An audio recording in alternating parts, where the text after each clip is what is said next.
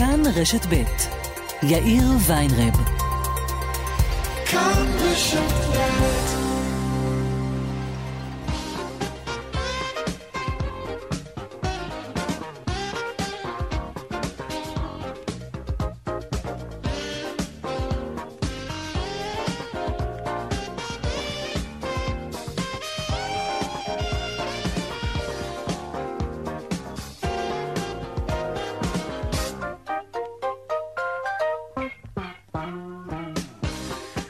וכמעט חמש דקות כאן צבע הכסף ברשת ב', יום ראשון, שבוע טוב, שלום רב לכם, העורך רונן פולק, המפיקה יקיר אביזל אזולאי, טכנאי השידור שלנו היום הוא אילן אזולאי, הדועל של צבע הכסף, כסף כרוכית כאן.org.il, אני יאיר ויינרב, מעכשיו עד חמש אנחנו מיד מתחילים.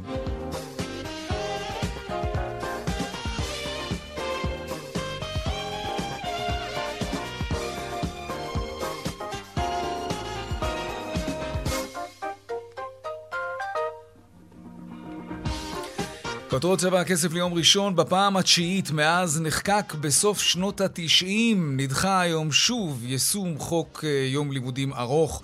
במסגרת חוק ההסדרים. שלום לרן חוג'אינוב, כתבנו לענייני חינוך. כן, שלום יאיר. ב-1997 נחקק החוק שאמור להעניק לתלמידי גני הילדים ובתי הספר היסודיים עוד שעות לימודים במערכת החינוך, שלא יסיימו רק בשעה 12 או 1. אה, זה בעיקר נועד אה, לעזור לשכבות החלשות. אה, אבל שוב, בפעם התשיעית, כמו שאמרת, מאז שחוקק, ובעצם לא יושם מעולם באופן מלא במערכת החינוך, יישום החוק נדחה. הסיבה היא כמובן העלות התקציבית האדירה הנאמדת ביותר מ-4.3 מיליארד שקלים. במשרד החינוך אומרים, יש לנו היום כל מיני תוכניות אה, צהרונים וכאלה שעוזרים לשכבות החלשות, אבל הוא כמובן, זה לא מספיק. החוק נדחה לשנת הלימודים תשפ"ז, זה אומר 2026, כמעט 30 שנה אחרי, אולי יישמו אותו. אולי, אולי, אולי. נהיה אופטימיים. לירן חוג'אינוב, כתבנו לענייני חינוך, תודה רבה. תודה.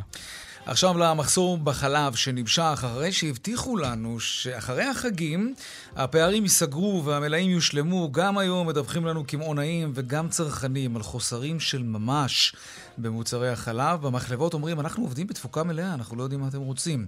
נעסוק בזה עוד מעט, ננסה לפצח את החידה הזאת. בשורה למבקשים לצאת לבולגריה, משרד הבריאות אה, בסופיה אה, הציע את, אה, הוציא את ישראל מרשימת המדינות האדומות, ומהיום תיירים ישראלים בעלי תעודת מתחסן תקפה ואנחנו וש... רשאים, כן, ישראלים רשאים להיכנס למדינה הזו. ועוד בצבע הכסף בהמשך, היום נפתחה שנת הלימודים האקדמית. אילו משרות סטודנטיאליות קיימות בכלל בשוק? אחרי קורונה, וגם כיצד השפיעה הקורונה על הרגלי המגורים של הסטודנטים ועל משקיעי הדירות. הרי סטודנטים גרים בדירות שמשקיעים קונים ומשכירים אותם. נדבר גם על זה.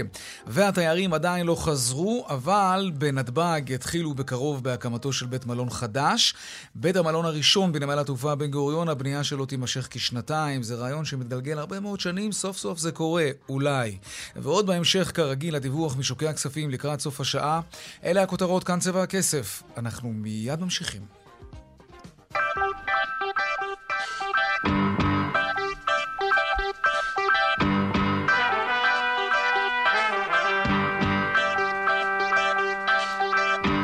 טוב, פותחים בחלב. המחסור בחלב. הבטיחו לנו שאחרי החגים המצב ישתפר ולא יהיה עוד מחסור במוצרי חלב, אה, אבל לא, עדיין חסר. רונן פולק, שלום. למרות, ש... למרות שאומרים שלא בוכים על חלב שנשפך, אבל אנחנו... אין כל כך מה שיישפך. כן. אתה הולך למדפים אצלנו במקום. אגב, יש משהו... ריק. לא, לא, חלב נשפך, חלב גולמי. נשפך, מתייבש, עוד שנייה נסביר לך את זה. בוא, בוא, בוא נתחיל מההתחלה, כמו שאומרים. כן.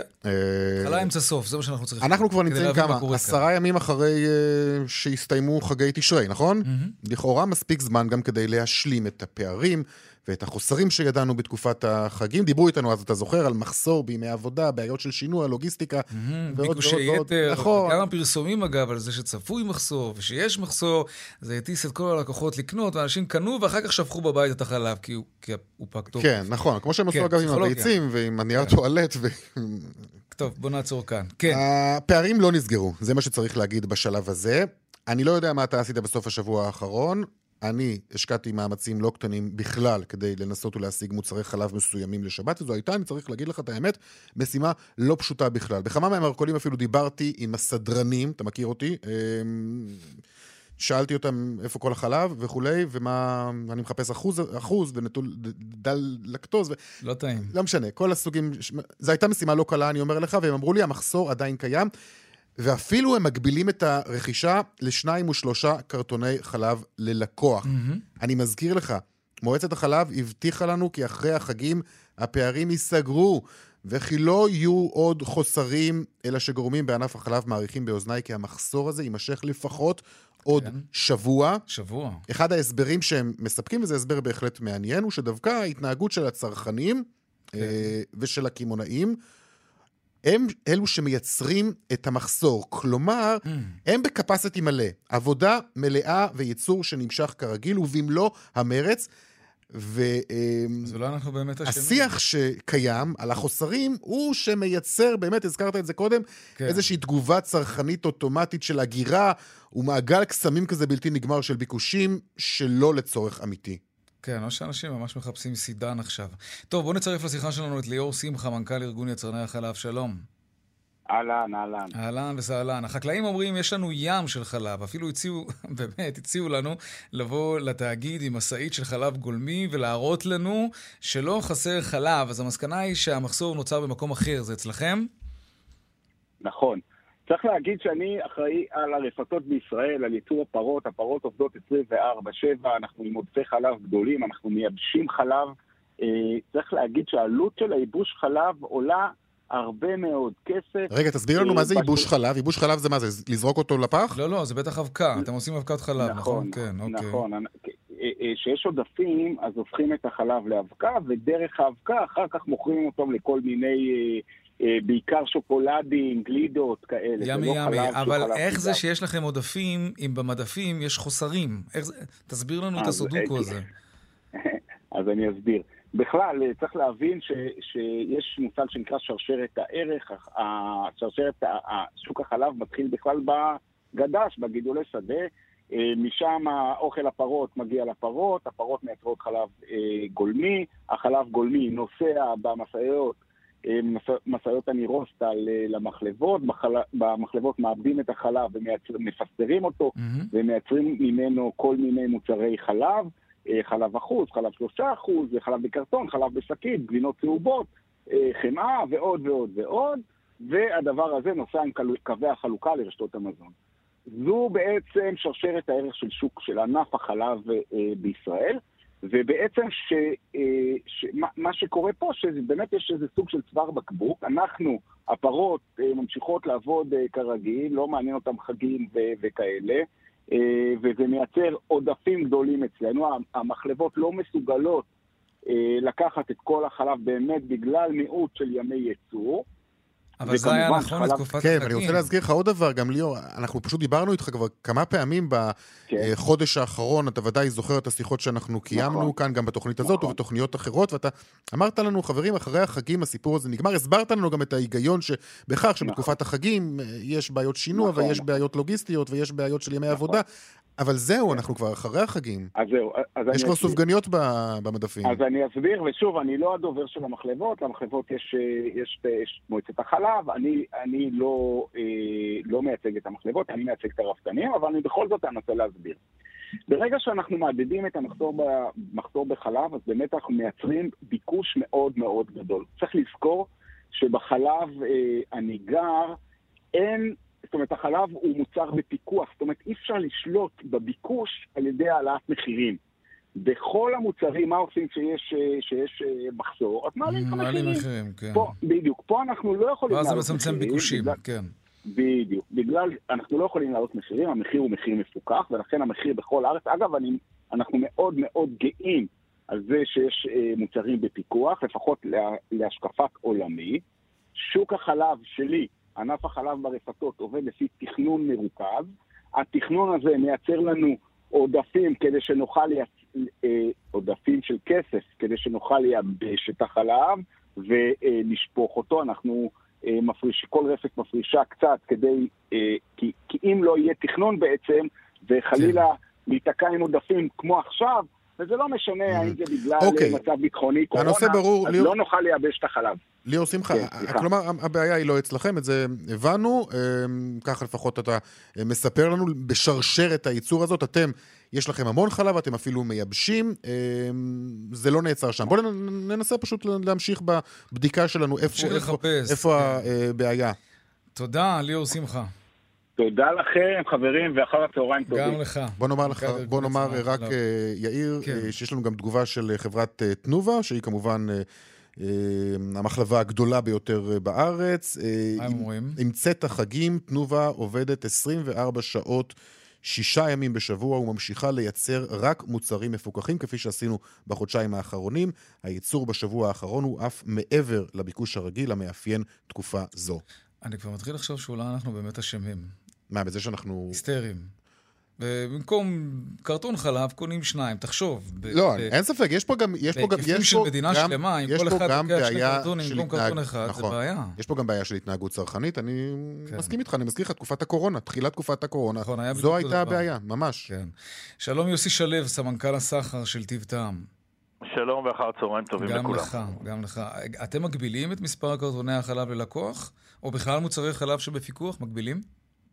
ככלל אה, לא, אבל אה, נאלצנו בכורח הנסיבות בשבועיים האחרונים להגביל אה, שתי יחידות חלב ניגר ללקוח כדי לשרת כמה שיותר לקוחות בטיב טעם. אז תגיד, איפה... כלומר, יש מחסור. נכון? יש מה מחסור? ואי אפשר להתכחש לזה. מה חסר? בעיקר חלב ניגר וקוטג'. Mm, כן, קוטג' שמתי לב שממש חסר, וזה זה, זה כואב לי. מאוד כואב, אני חולה על קוטג'. תגיד, אה, כשאתה מנסה אבל להבין מה גורם באמת למחסור הזה, וכשאתם גם מגבילים את הלקוחות שלכם עכשיו במספר קרטוני החלב שהם יכולים לקחת, זה בגלל ההתנפלות של הצרכנים, או שאתה שם לב שהמחלבות מספקות פחות חלב? כי אנחנו כבר אחרי החגים. תקופת החגים בסדר, אני אגיד. לך. אני אגיד לך, לא הייתי שותף ולא הייתי קשוב לכל השידור, אבל בגדול אני תולה את החוסר במספר אה, אלמנטים. ראשית, אה, בטח דיברתם על חוסר בימי עבודה. במהלך ספטמבר היו שמונה ימי ערב חג וימי שישי, שזה חצאי ימים, ועוד 13 ימי עבודה רגילים, כולל כן. חול המועד. זה לא מספיק כדי לייצר, לארוז, לשנע למרלוגים ומשם לחנויות.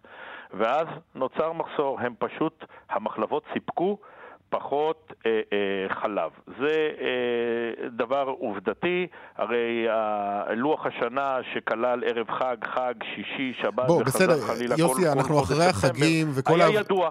אנחנו, זה נכון, היה ידוע, החגים לא הפתיעו אף אחד, ואת זה ידענו, נכון. אבל אנחנו כבר נמצאים עשרה ימים אחרי החגים. שבוע שעבר היה שבוע עבודה מלא. החוסרים האלו היו אמורים אה, להיסגר, לפחות כך הבנו מהרפתנים. ו- ומה שאומרים לנו במחלבות, ובמידה מסוימת מאשימים גם אתכם, גם אתכם הקמעונאים, אתם מזמינים הרבה הרבה יותר ממה שאתם הזמנתם קודם. לא, לא, זה, זה לא נכון וזה לא מדויק, וזה גם לא שינה, וזה גם לא משנה אם הזמנו יותר. אתה לא מזמין אז- יותר? גם אם הזמנתי יותר, כי אתה לא רואה אפ- שהצרכן דורש יותר, אתה גם נכנס לאיזה סוג של פאניקה. לא יש לא פה התנהגות אפשרו- צרכנית שהיא גם משליכה על ההתנהגות של הקמעונאי. תראה, אני לא בא ואומר שלא הייתה צריכה מוגברת של חלק אה, מהצרכנים בגלל הסיפור של החוסר. זה נכון, אבל אנחנו שמנו לזה אה, גבול באמצעות ההגבלה של שתי יחידות.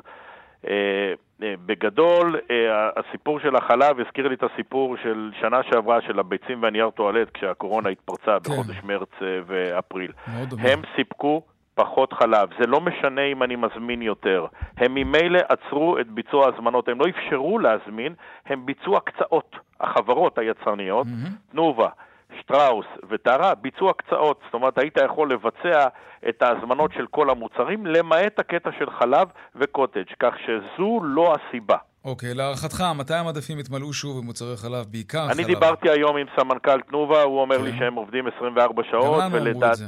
כן, ולדעתו בשבוע הבא אה, המצב אה, יחזור. אני הייתי משוכנע שבשבוע שעבר כן. החוסר אה, יקטן באופן דרסטי, ואומנם ייקח להם מספר ימים להדביק את הפערים, אבל שלא יהיה מחסור. אבל בשבוע שעבר היה מחסור, והיה מחסור אה, אה, לא פשוט.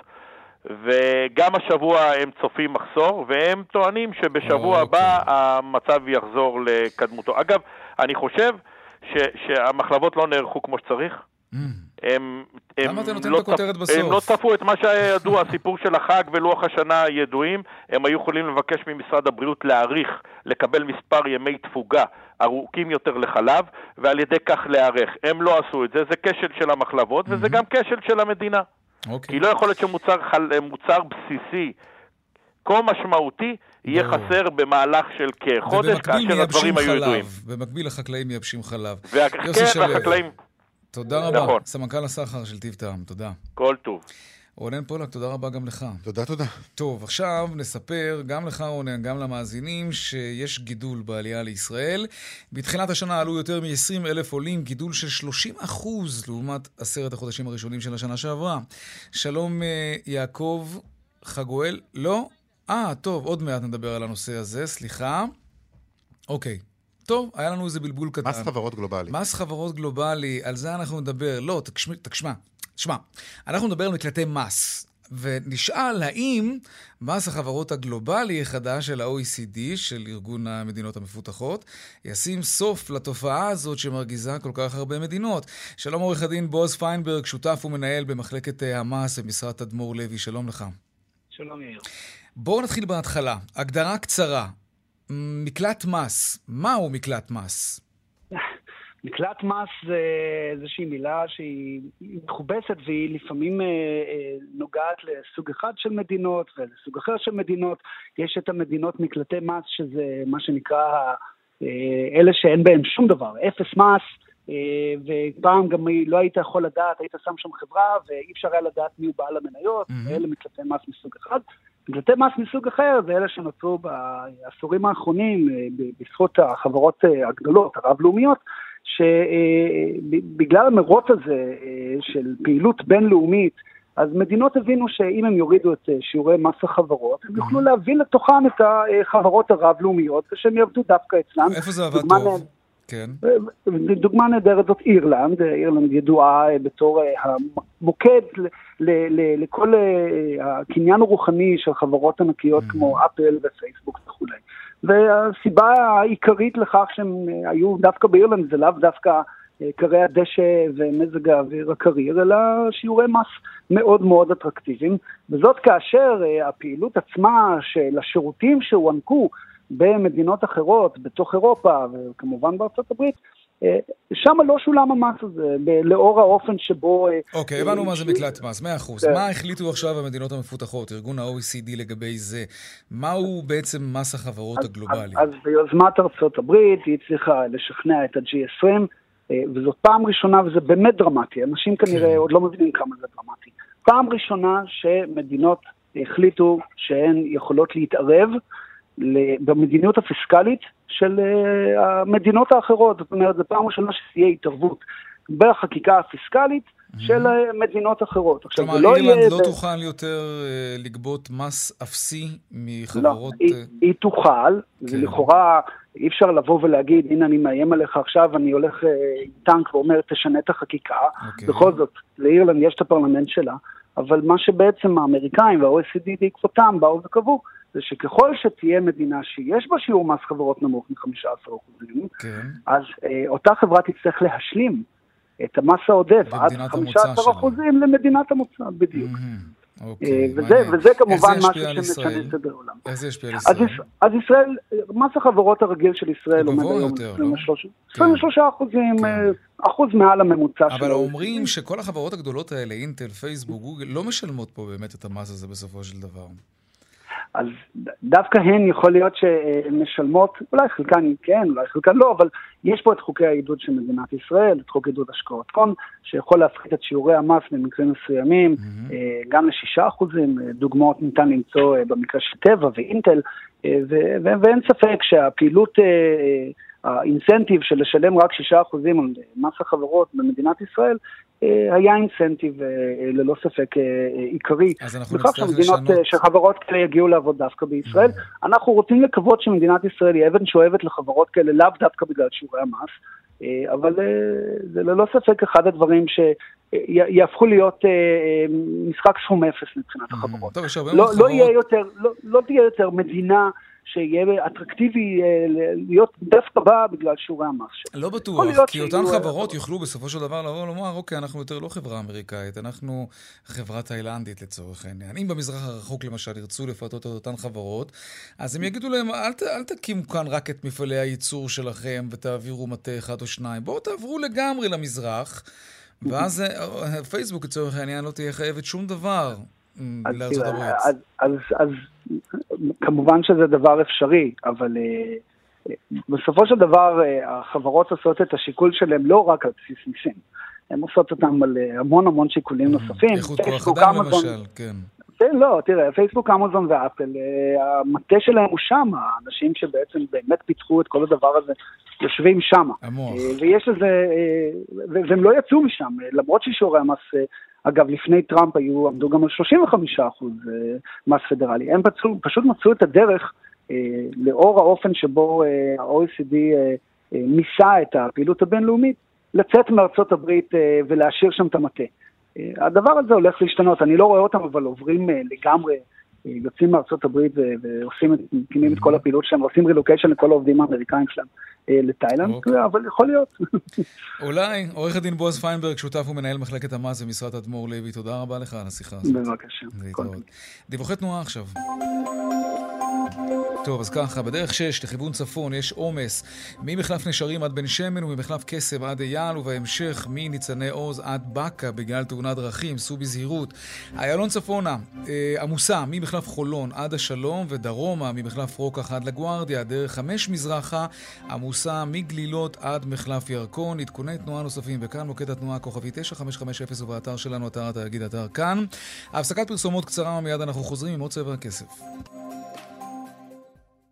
ארבע ועוד אה, 28 דקות. שנת הלימודים האקדמית נפתחה היום, עוד מעט נדבר על הסטודנטים, אבל קודם כל נדבר על נדל"ן וסטודנטים. שלום ניר שמול, מנכ"ל חברת שניר והחברה לפיתוח והתחדשות עירונית, שלום.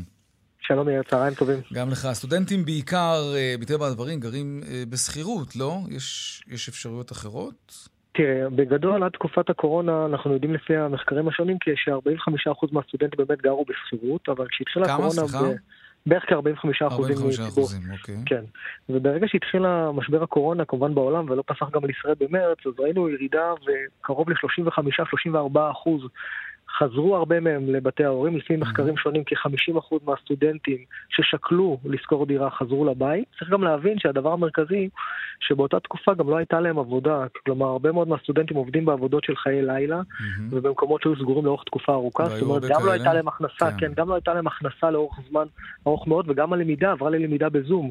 אז היה פה שינוי מאוד מאוד דרמטי, שהשפיע אגב על היצע של דירות, שאותם משקיעים בעצם, אותם סטודנטים החזירו למשקיעים, והמשקיעים נאלצו למצוא משפחות בעיקר צעירות שהחליפו את הסטודנטים, כי הרבה מהדירות זה דירות קטנות או דירות לשותפים, או למכור את הדירות, גם את זה ראינו. או למכור את הדירות, למרות שכרגע הרבה יותר אנשים קונים דירות מאשר מוכרים דירות, ולכן הסיטואציה שראינו בה בעיקר זה כרגע איזושהי חזרה לשפיות, כרגע אני עוד פעם לא יודע מה יהיה גל חמישי או שישי, שהלמידה חזרה כמובן להיות במרחב הפיזי, והסטודנטים עצמם חזרו לשכור דירות וגם לעבוד. מהמם, אוקיי, סטודנטים שיש להם אגב קשיים כלכליים, אה, מכל מיני סיבות, גם אולי בגלל שהמשק עוד לא חזר לגמרי ל-100%, אה, יכולים לקבל סיוע? יש גורמים שמסייעים היום לסטודנטים למצוא כן. קורת גג?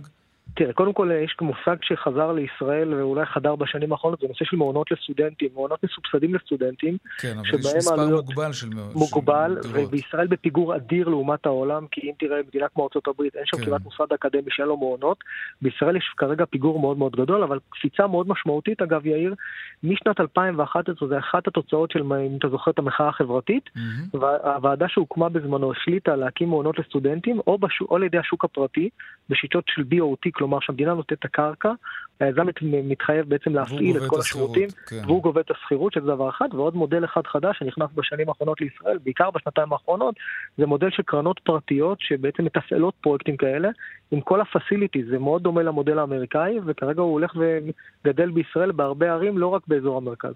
תגיד, כשאנחנו מסתכלים על אה, מחירי השכירויות היום, נאמר לאותה תקופה מקבילה ב-2019, לפני אה, הקורונה, אנחנו מדברים על שכירויות לדירות של סטודנטים, דירות סטודנטיאליות. מה אנחנו יכולים להגיד על רמות המחירים? עד, עד כמה קשה היום לסטודנטים יותר? קשה מאוד לסטודנט, כי אנחנו מבינים היום שסטודנט מוציא בסדרי גודל, לפי המחקרים האחרונים, בין 1,800 ל-2,500 שקלים רק על המרכיב של דיור, mm-hmm. וכמובן ששוק הנדל"ן בישראל עולה משנה לשנה לא רק בנושא של מחירי הדירות, גם במחירי השכירויות, אז הקושי הופך להיות הרבה יותר גדול. שאלת קודם, הבעיה המרכזית היא שציבור גדול של סטודנטים זקוק לעזרה הזאת, ואז האלטרנטיבה זה או לגור בבית, או לגור עם כמות גדולה של שותפים, או לחילופין לנסות לקבל מלגות כאלה ואחרות שהמדינה או עיריית תל אביב או כל מיני עיריות נותנות לטובת uh, פרויקטים של פרח, צורה של השתתפות בשכר דירה, mm-hmm. אבל אני חייב להגיד, הכמות מאוד מאוד קטנה לעומת הביקוש הגדול, וכמו שאתה יודע, כל עולם התרומות בישראל זה עולם שמאוד מאוד מתקשה לשרוד, וכמות הסטודנטים שנהנית מאותן מלגות יחסית מאוד מאוד קטנה לעומת הצרכים. אוקיי, okay, לסיום, מה לדעתך אפשר לעשות בטווח המיידי ואולי אפילו המהיר? כדי לשנות, להביא איזשהו שינוי די, די מיידי, אם אפשר להגדיר את זה ככה, כדי שנגיד בשנת הלימודים הבאה כבר לסטודנטים יהיה הרבה יותר קל אה, להיפטר מהבעיה הזאת שמטרידה מאוד, וזה קורת גג בזמן הלימודים. בסוף הכל זה נושא של היצע, והתשובה המרכזית היא לבנות, לבנות, לבנות. חוק עידוד השקעות הון מאפשר היום לקרנות ולחברות פרטיות בעצם לקנות כמות גדולה של דירות, להשכיר אותם לטובת אה, ציבור הסטודנטים או בכלל לטובת דיור להשכרה שכירות ארוכת טווח, ואם המדינה תדע לעודד את זה ולהכניס גם את חברות הביטוח, אז אנחנו נראה פה הרבה מודלים שמגיעים מן העולם, שבה יש חברת ניהול שמנהלת את המתחם עצמו, יש שם שירותי co-working, co-living, שירותים של ניהול שהסטודנטים צורכים, יש שם חיי קהילה. וזה דבר שהוא אפשרי, פשוט לצבוע את זה, כן, צריך כן. לצבוע את הכסף כמו שאמרו להתחדשות עירונית, צריך כבר לצבוע את זה גם לציבור הסטודנטים. ניר שמואל, מנכ"ל חברת שניר והחברה לפיתוח והתחדשות עירונית, תודה רבה. תודה רבה, יאיר. עדיין באותו אה, נושא, משרות סטודנטיאליות. עד כמה יש לסטודנטים היום אפשרות למצוא עבודה? שלום שי חן, סמנכ"ל אה, מועמדים ומעסיקים בלוח הדרושים JobMaster, שלום לך. שלום, יאיר. כמה משרות פנויות יש אצלכם בסטודנטים היום? תראה, יש כיום מעל, אה, מעל 2,000 משרות פנויות לסטודנטים. איפה? באיזה אזור? בכל הארץ? אה, תראה, כל הארץ זה נשמע, אה, לא, כל הארץ זה, אתה יודע, זה אזור המרכז אה, גדר חדרה, מה שנקרא. אזור המרכז המורחב. זה, אוקיי. זה הכמות, מעל 2,000 משרות. על אילו תחומים אנחנו מדברים? היום כרבע מהמשרות, כ-25% הם תחום השירות לקוחות, יש לנו משרות בתחום ביטחון, שמירה, מכירות, סדרנים, אה, עבודה בתחום המזכירות, הוראה והדרכה, הייטק, מחשבים. האלפיים משרות האלה, כמה זמן הן פנויות? כי אנחנו, דווקא בתחומים מת... האלה, אתה יודע, מדברים הרבה מאוד עם בעלי עסקים שמחפשים עובדים בתחומים האלה. כולם מספרים לנו שהם לא מצליחים לגייס עובדים. אז, אז אני, אני קצת, זה קצת מבלבל, תשמע. מצד אחד אנחנו שומעים עכשיו על הקושי של סטודנטים אה, למצוא דירה להשכיר גם בגלל בעיות כלכליות. מצד שני, מה, יכול להיות שסטודנטים לא, לא רוצים לחזור לעבוד? תראה, הם רוצים לחזור לעבוד, אבל אה, לא מעט מעסיקים הם אה, הורידו את דרשות הסף שלהם לגיוס עובדים. אה, לא מעט מהם, אה, אם פעם, אה, עד לפני מספר שנים, אה, סטודנט היה צריך, אה, יכל להתקבל למקום עבודה רק כן. בשנה השלישית או הרביעית, אז היום כבר בשנה הראשונה או השנייה המעסיקים מחפשים את הטאלנטים, את הסטודנטים, אה, אה, כדי בעצם להכניס אותם לחברה ולהכשיר אותם, כדי שבעוד שנה-שנתיים כבר יהיה להם עובד שיש לו כבר שנתיים אה, ניסיון. זה משהו שלא היה קיים בעבר, או גם אם הוא היה קיים, הוא היה קיים רק בתפקידים מאוד מאוד אה, ספציפיים. אוקיי, okay, בוא נדבר על השכר של אותם תחומים שציינת קודם. איזה שכר כן. יש לצד העבודות האלה? תראה, רוב המשרות שהן אה, במשמרות, אז השכר הוא שכר שהוא שעתי. זה שכר שיכול לנוע אה, בטווח של אה, בין 29 עד עד 35-37 שקלים בממוצע, ויש תפקידים שהם... כלומר, משכר מינימום ומעלה. כן, משכר מינימום, mm-hmm. כמובן, פחות ממינימום אי אפשר uh, לשלם. זה נכון. אבל יש תפקידים לא, שמציעים שכר... רוב התפקידים שכר... הם, הם סביב שכר המינימום, או שיש תפקידים שמציעים שכר הרבה יותר גבוה? יש תפקידים יותר, בוא נגיד ככה, בתחומים כמו הייטק, או תחום הכלכלה, ראיית חשבון וכולי, שהם יכולים להגיע לסכומים גם מעל עשרת אלפים שקלים למשרת סטודנט, אני מדבר כמובן. מה זה אומר, אגב, משרת סטודנט? סטודנט? מבחינת היקף השעות, או שזה אותו דבר? היקף השעות, תראה, זהו, בדיוק, משרת סטודנט זה בעיקר אה, גמישות בשעות העבודה. אה, אגב, גם המכללות או האוניברסיטאות מוציאות כיום אה, מסלולים שמיועדים לסטודנטים שיוכלו לעבוד במשרה כזו או אחרת, משרה חלקית, וגם גמישות שעות הלימודים. כל חברה, תראה, יש חברות שעובדות גם 24/7 מול כל העולם, ככה שמשרה גמישה יכולה להיות גם בשעות הלילה. או בסופי שבוע, אז יש סטודנטים שדווקא הסידור הזה מתאים להם. אוקיי. שי חן, סמנכ"ל מועמדים ומעסיקים בלוח JobMaster, תודה רבה לך על השיחה הזאת. תודה, תודה. טוב, אנחנו ממשיכים עכשיו למצבם של הסטודנטים באופן כללי. שלום שלומי יחייב, יושב ראש התאחדות הסטודנטים. אהלן. תגיד, הרבה מאוד מעסיקים, הזכרנו את זה ברעיון הקודם, מספרים שהסטודנטים לא חוזרים לעבוד. זה היה נכון רק לקיץ, עכשיו אנחנו נראה אם נשאל אותם תמונה אחרת? כן, אז אני, אני חושב שזו תמונה שהיא לא עד הסוף מדויקת. היא הייתה כמובן מדויקת בתקופה של היציאה מהסגר, ששם כל אה, שוק התעסוקה עוד עדיין היה אחרי איזה הלם מסוים. וכששילמו חל"ת כמובן? ברור, כמובן. ועכשיו, ברגע שזה נגמר מהקיץ, צריך להגיד, אנחנו רואים את המספרים, גם מה שהלמ"ס מציגים וגם מה שהיום פרסמנו בסקרים, הסטודנטים חוזרים לשוק התעסוקה. אבל איפה הפער המרכזי, ועליו אני חשוב לנו מאוד להצביע? שאנחנו רואים שיש מקומות שסטודנטים רוצים לעבוד, אבל ההיצע בשוק הוא לא, הוא לא מספיק טוב, הוא לא קיים, ובעיקר אנחנו רואים את זה בפריפריה הגיאוגרפית. שעל על אחד מכל שלושה סטודנטים שרוצה לעבוד מספר שהוא לא מצליח בגלל היצע העבודה. ומה המשמעות של זה? המשמעות בסוף, רוב הסטודנטים רגילים וכדי, הם מפרנסים את עצמם. זאת אומרת, אנחנו עובדים בחודשית כדי לשלם את השכר לימוד, את ההוצאות של השכר דירה, וברגע שלוקחים מאיתנו, מהסטודנטים, את היכולת לעבוד בתצורה חודשית, החשש הכי גדול, שזה ישפיע על, כמובן על, על היכולת להתמודד עם התואר. אנחנו יודעים על מקרים כאלה בתקופת הקורונה, סטודנטים שנשרו בגלל שהם לא יוכלו לממן את הלימודים? כלומר, במעבר מהשנה הראשונה של הקורונה לשנה השנייה של הקורונה. אז זה, זה נתונים שאנחנו, גם אנחנו כהנהגה סטודנטלית מאוד מנסים לחלץ מה, מהמוסדות ומהמועצה להשכלה גבוהה, וזה לא, נתונים שלא ממהרים כל כך לא, להוציא. למה? אתה יודע, לא, זה... לא רוצים להתהדר בזה. טוב, אולי, אולי גם לא הייתה כזאת פגיעה בסופו של דבר, וסטודנטים איכשהו הסתדרו. חזרו הביתה לגור אצל ההורים, אז ההוצאות פחתו, אה, מלגות למיניהן, אין לדעת. אז, אז צריך להגיד, כן הצלחנו לייצר רשתות ביטחון בכמה, במאות מיליוני שקלים בהסכם הממשלתי, אבל כן. אני אגיד איפה אנחנו כן רואים את הפגיעה. למשל נגיד ההלוואות. אנחנו רואים שמשנה שעברה לשנה הנוכחית, כן. גובה ההלוואה שהסטודנט הממוצע לוקח, ואחד מכל חמישה סטודנטים בישראל לוקח הלוואה, עלה ב-26%. זאת אומרת, אנחנו מגיעים כבר ל-30-40 אלף שקלים שהסטודנטים לוקחים הלוואות, ואם אתה שואל אותי זה דרמטי. זה נתון אחד. והשני שמאוד מטריד זה ההסתמכות על ההורים. היום 40% מהסטודנטים נסמכים על ההורים, ובעצם נוצר פה מציאות שהסטודנט או שהוא משתעבד להסתמכות על ההורים או על הלוואות, וזה לא המציאות שאנחנו רוצים להיות בה. כן, זה בטוח. טוב, בוא נדבר על פתיחת שנת הלימודים. אה, היא מתנהלת מהיום, על פי כללי התו הירוק. סטודנטים אבל שאין להם, נגיד, תו ירוק, מה קורה איתם? בדיוק. אז כמו שאמרת, זה בעצם היפוך מגמה מאוד משמעותי משנה שעברה. אם שנה שעברה הרוב המוחלט היה בזום וקצת פתרונות פרונטליים, אז הפעם זה התהפך לתו הירוק. ו- וצריך להגיד, אנחנו מאוד מעודדים את החזרה ללמידה פרונטלית.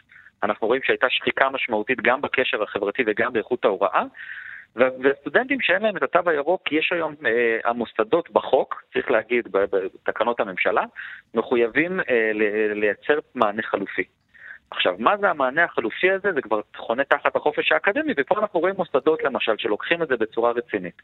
ולמשל אפילו ייצרו חלק מהימים פרונטליים וחלק מרחוק, ושולחים הקלטות מהימים הפרונטליים לסטודנטים mm-hmm. שלא הגיעו. יפה. אה, אבל לא הכל מושלם, עדיין יש מקומות שלא נתנו את המקומות האלה, וכאן אנחנו נכנסים לתמונה. טוב, נקווה שתהיה שנה, שנת לימודים מוצלחת. שלומי יחיאב, יושב ראש התאחדות הסטודנטים, תודה רבה לך. תודה רבה. נציץ לכבישים קצת. דרך 66 דרומה אה, עמוסה ממשמר העמק עד צומת מגידו, ובדרך החוף לכיוון צפון יש עומס מיקום עד נתניה, וממחלף חבצלת עד מכמורת. בדרך ירושלים תל אביב עמוס ממחלף גנות עד קיבוץ גלויות. בדרך 6 צפונה עמוס מנשרים עד בן שמן ומקסם ועד אייל. בהמשך ממחלף ניצני עוז עד באקה בגלל תאונת דרכים. סו זהיר, דיווחים נוספים בכאן מוקד התנועה כוכבי 9550 ובאתר שלנו, אתר התאגיד, אתר כאן, הפסקת פרסומות קצרה, ומיד אנחנו חוזרים עם עוד צבע הכסף. אמ, כן, 43 דקות אחרי השעה 4. אמ, אנחנו נדבר עכשיו על גידול בעלייה לישראל. מתחילת השנה עלו ארצה יותר מ-20 אלף עולים, גידול של 30 אחוזים לעומת עשרת החודשים הראשונים של השנה שעברה. שלום שי פלבר, מנהל היחידה לעלייה וקליטה בסוכנות היהודית. שלום. שלום וברכה.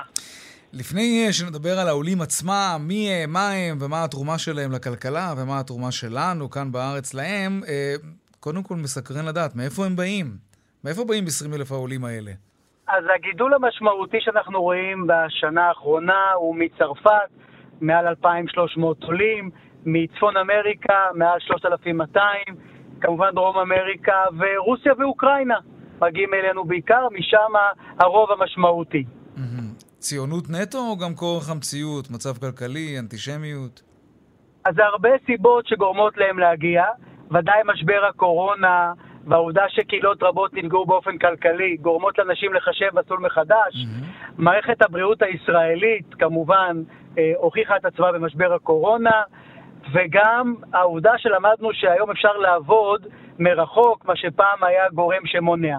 כל אלה סיבות, אבל אילולי והיה אה, בסיס ציוני וקשר לישראל הם לא היו באים. אז נכון שיש גורמי דחיפה, אבל הבסיס לזה זה הקשר והציונות לישראל. המוטיבציה העיקרית, המוטיבציה העיקרית לציונות. טוב, זה נחמד לשמוע. אה, גילי, מה הגיל הממוצע של העולים?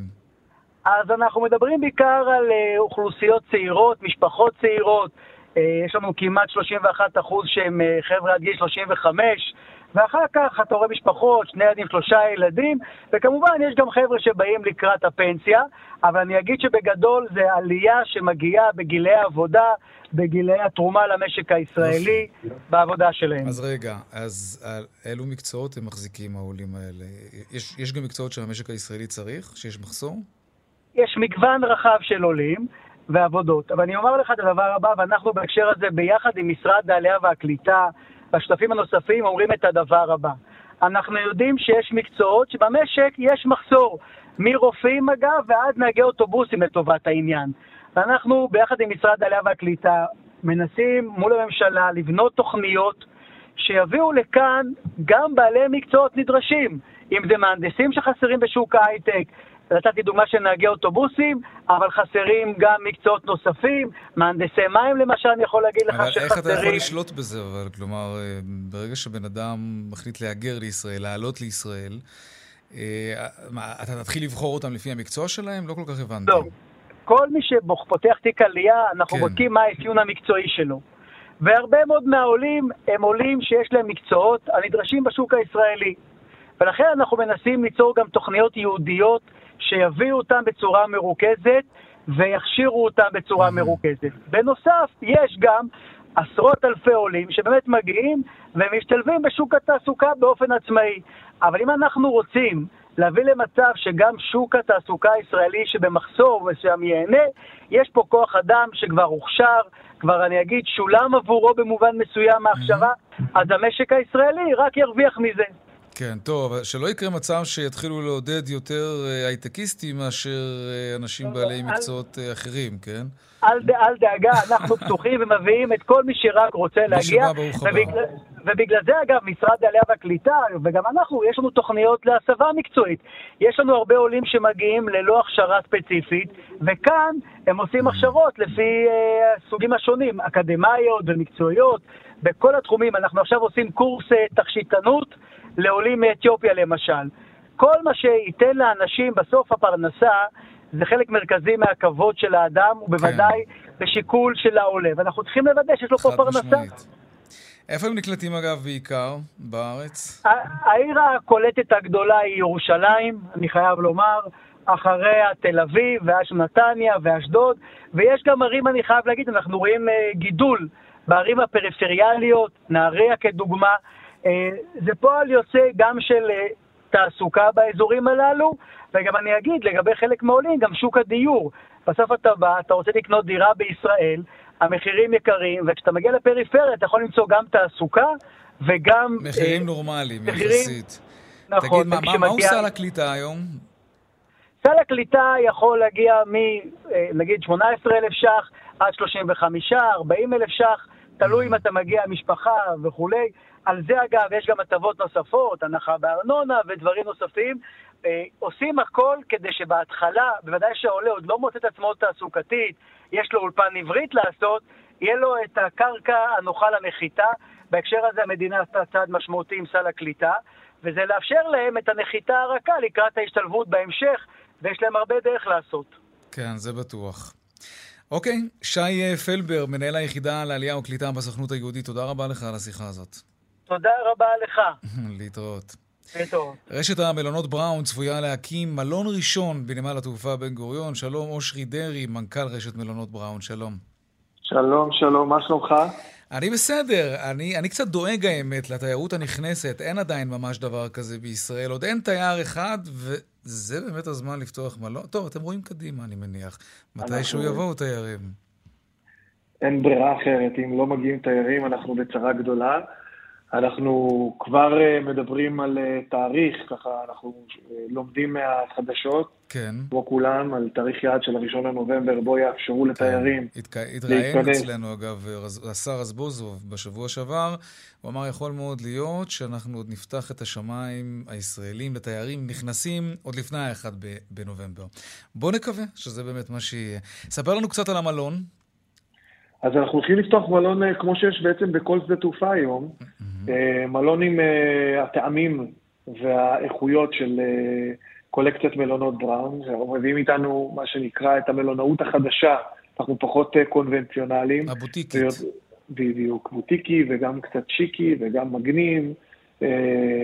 וזה מיועד לאנשי עסקים, מטבע הדברים. זה מיועד לא רק לאנשי עסקים. אם זה בנתב"ג. לכל, לא רק לאנשי עסקים, לא. זה מיועד בעצם לכל מי שצריך לעשות overnight בשדות תעופה, mm-hmm. שזה קורה המון פעמים אצל אנשים, מטיסות שנדחות, וצוותי אוויר, וכן הלאה וכן הלאה וכן הלאה, mm-hmm. ואנחנו יודעים ולמדים שמלונות בשדות תעופה יודעים אה, להגיע לאחוזי תפוסה אה, די טובים. Mm-hmm. אנחנו למדנו את זה, למדנו את זה משדות אחרים בעולם, ממלונות אחרים, ואנחנו חושבים שזה מהלך נכון, וזה היה אמור לקרות כבר מזמן, אבל עכשיו, אה, ברוך השם, אנחנו עובדים על הדבר הזה והולך להיות לנו מלון נפלא. הבשלתם. אגב, מה, מהי רמת המחירים במלונות מהסוג הזה שנמצאים סמוך לנמלי תעופה? אני תמיד אומר ש... לערים הגדולות, כן. כן. אני תמיד אומר שמחיר מונע ביקוש, אז אה, זה נורא תלוי לפי הביקוש. זה יכול לעלות 200 אה, דולר ללילה, וזה יכול להיות גם 400 דולר ללילה.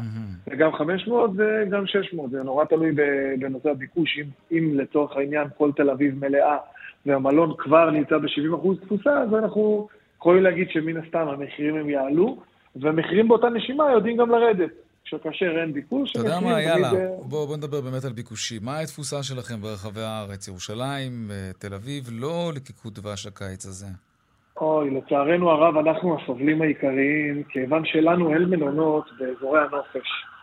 וכאשר אין מלונות באזורי נופש, אז לא נהנינו כמו שאר הרשתות, שנהנו מפלואו של uh, ישראלים שבחרו השנה לא לצאת לחוץ כן. לארץ, כן?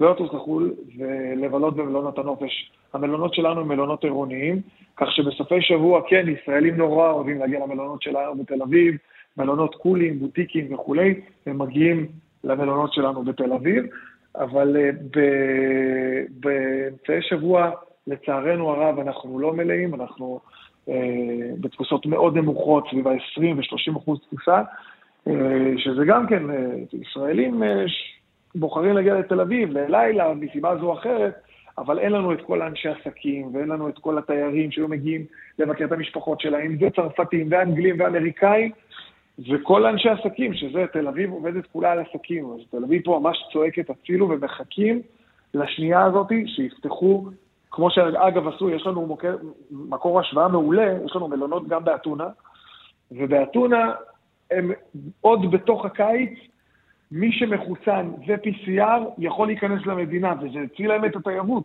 היה pickup אדיר. טוב, הכלכלה שלהם נשענת על התיירות, לא כל כך הייתה להם ברירה, אבל אין נכון, ספק נכון. שאנחנו היינו אולי השמרנים ביותר, בטח נכון. במרחב הזה.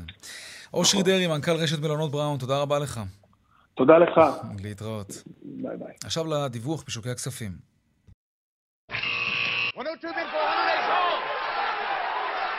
take them. שלום רונן מנחם, כלכלן ראשי, מזרחי טפחות. שלום יאיר, ערב טוב. ערב טוב. שבוע המסחר, כן. כן, התחיל. זה היום הראשון של השבוע הסתיים במגמה מעורבת. תל אביב 35 ירד עשירית אחת, תל אביב 90 עלה מנגד 6 עשיריות. מדד הנפט והגז הצטיין עם עלייה של 2% ושתי עשיריות היום, אה, ומנגד נרשמו ירידות של 2 עד 3 עשיריות במדדים של המניות הדואליות, הביומט ומניות הבנקים. קצת שמות, אז מניות אה, ביג ואיירפורט סיטי עלו כ-2% מכל אחת, ומהצד השני של המתרס פריגו עם ירידה של 4% ו-7 עשיריות. שוק איגרות החוב נטע היום לירידות קלות, טלבון צמוד ירד 7 מאיות, ואילו טלבון שקלי ירד 2 מאיות. ולסיום, כשוק המטח, ביום שישי נקבע שרח לפי שקל דולר, 3 שקלים 23 אגורות ועשירית אחת. ערב טוב. ערב טוב גם לך, ותודה רבה, רונן מנחם, כלכלן ראשי מזרחי טפחות, שבוע טוב שיהיה. סיימנו.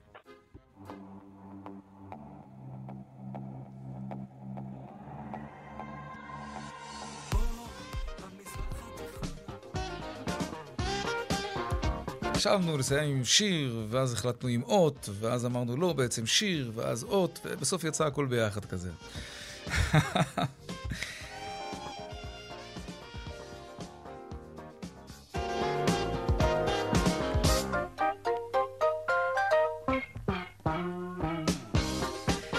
עד כאן צבע הכסף ליום ראשון, העורך רונן פולק, המפיקה שלנו הייתה היום יקיר אביזל אזולאי, טכנאי השידור אילן אזולאי, במוקד התנועה חגית אלחייני, הדואל של צבע הכסף, כסף, כרוכית, כאן.org.il. מיד אחרינו שלי וגואטה, אני יאיר ויינרב, נשתמע כאן שוב, מחר, בארבעה אחר הצהריים.